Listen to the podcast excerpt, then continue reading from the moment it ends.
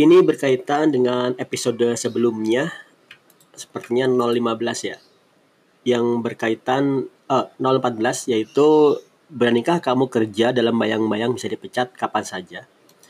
Oke jadi um, umpa, umumnya kita itu memang lebih suka hal yang pasti-pasti aja. Pasti digaji dan pasti dapat pensiun. Padahal yang pasti-pasti ini sebenarnya punya banyak uh, sisi kurangnya yang nggak kamu sadari, namun baru kamu sadari begitu waktu telah berlalu. Contoh nih, yang ingin saya sampaikan sekarang itu tentang pensiun. Kan banyak orang-orang yang ngoyo ngejar PNS karena berpikir dapat jaminan pensiun.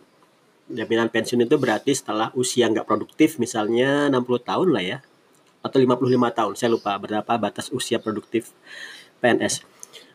Jadi bayangannya adalah setelah usia pensiun nggak bisa kerja lagi maka dibayari negara misalnya gitu.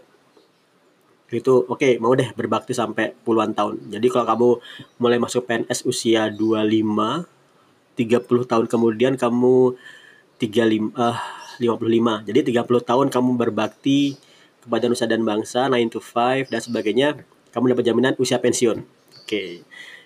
Karena kamu merasa oke okay deh kalau gitu itu itu worth. Oke. Okay Padahal pertanyaan saya adalah, kalau kamu udah pensiun terus mau ngapain? Misal kamu pensiun nih, kemudian, oh aku jalan-jalan, nggak akan. Kamu sudah mulai merasakan lutut yang gemeter, udah mulai merasakan tulang-tulang yang ngilu. saya ngerasain sedikit ya tentang lutut. Jadi kamu udah juga sudah kamu udah kehilangan daya daya partinya mungkin sudah hilang, sudah nggak punya semangat adventuring lagi. Karena kamu sudah tua.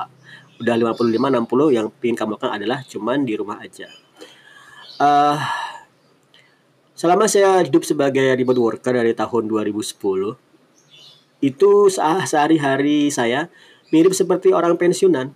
Kalau kamu punya ayah yang pensiunan, coba kamu perhatikan apa yang dilakukan.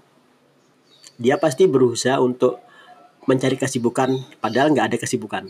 Uh, ingat ayah saya itu kerjaannya setiap hari kadang-kadang saat setelah pensiun itu bersihin kipas ya, kipas. Terus muter bersihin sepeda, kursi. Sudah habis dibersihin, muter lagi bersihin kipas lagi.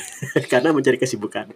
Oke, uh, kerjaan saya saat remote work dan su sudah semua kerjaan terdelegasi itu adalah bingung mencari kesibukan. Bingung mencari kesibukan apa yang harus dilakukan lagi. Karena uh, sudah dikerjain oleh staff dan saya nggak punya kesibukan yang berkaitan dengan mendapat penghasilan bulanan, maka saya mulai menerawang dan melakukan hal-hal yang belum pernah saya terbayang lakukan. Saat itu saya uh, sibuk gowes misalnya. Gowesnya tuh kalian pikir gowes Sabtu Minggu, enggak, gowes itu hari Senin. hari Rebu, hari sesuka-suka saya siang, sore, pagi. Jadi gowes di saat orang-orang lagi sibuk itu enak banget rasanya, puas rasanya. Oke, jadi seperti itu. Kemudian juga dari kesibukan lain pernah uh, belajar pertukangan beli gergaji uh, kayu mikirin ngebuat desain kursi. Jadi sih cuma jelek. Jadi uh, maksud saya adalah kalau kamu memikir pensiun sebaiknya kamu pensiun sekarang di usia umur 20-an pensiun. Pakai tanda kutip ya. Pensiun itu artinya kamu nggak diatur lagi oleh suatu sistem di mana kamu kerja berangkat jam 9 pulang jam 5 sore. Tapi kamu pensiun dari orang yang mengaturmu namun tetap mendapat penghasilan. Itu kerjaan remote work. Jadi sehari-hari saya sekarang ini jam 9.10, 9.30 pagi, saya di rumah. Ya pensiunan itu kan ya. Kalau saya mau tidur hari ini bisa aja. Tapi saya hari ini kayak sebentar lagi mau latihan capoeira sebentar. Ini saya melakukan podcast karena saya teringat saya ingin menyampaikan seperti ini. Yaitu apalagi nih ya sebenarnya saya ngerasa saya itu ikut, ikut remote work agak terlambat sih. Saya ikut remote work itu setelah anak setelah ya sebelum nikah saya sudah mulai uh, saat setelah, setelah nikah setahun saya mulai remote work dan permisi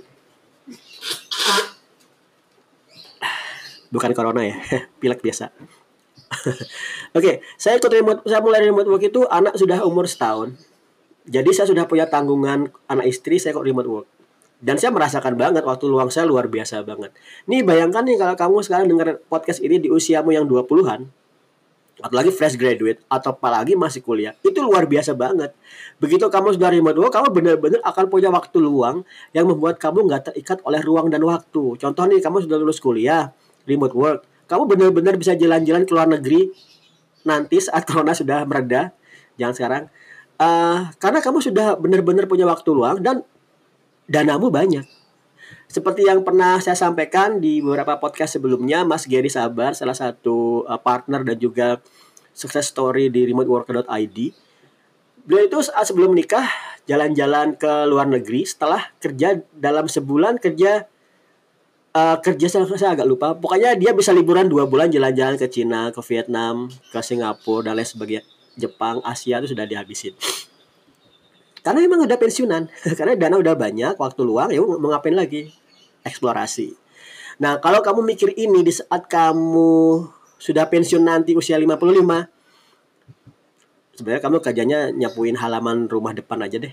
Jangan bikin jalan-jalan ke luar negeri, capek. Dengkul itu gak bisa dibohongin kalau udah usia. Oke? Okay?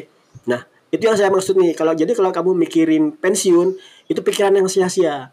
Kenapa? Karena seperti tadi saya sampaikan saat usiamu sudah jadi gini danamu ada, waktumu ada, usiamu udah gak mencukupin. Kesehatan ya. Nah, remote work itu asiknya adalah dananya ada, usianya ada, dan kesehatannya ada tuh enak banget ya. Percaya deh. Itu sudah banyak sekali ke teman-teman yang uh, ngalamin dan jalanin. Kadang-kadang saya merasa uh, berpikir andai sih. Andai saya kelatihan uh, remote work itu dari usia saya 25, fresh graduate. Tapi ya tahun 90-an, 2000 awal itu remote work belum jelas lah ya belum kelihatan bentuk ya masih bibit-bibitnya aja. Kalau sekarang remote work itu sudah ya yang saya lakukan ini adalah termasuk berusaha mempromot remote work ke mana-mana. Sudah mulai kelihatan platform sudah ada, SOP-nya udah baku. Kamu tinggal nyemplung aja. Nah, masalahnya adalah tinggal nyemplung ini yang kamu masih mikir-mikir nyemplung nggak ya, nyemplung nggak ya. Nanti aja deh. Oke, di, di podcast selanjutnya saya akan uh, jelaskan sebenarnya apa sih yang ditawarkan remoteworker.id sehingga dia mampu membuat kamu lolos remote work.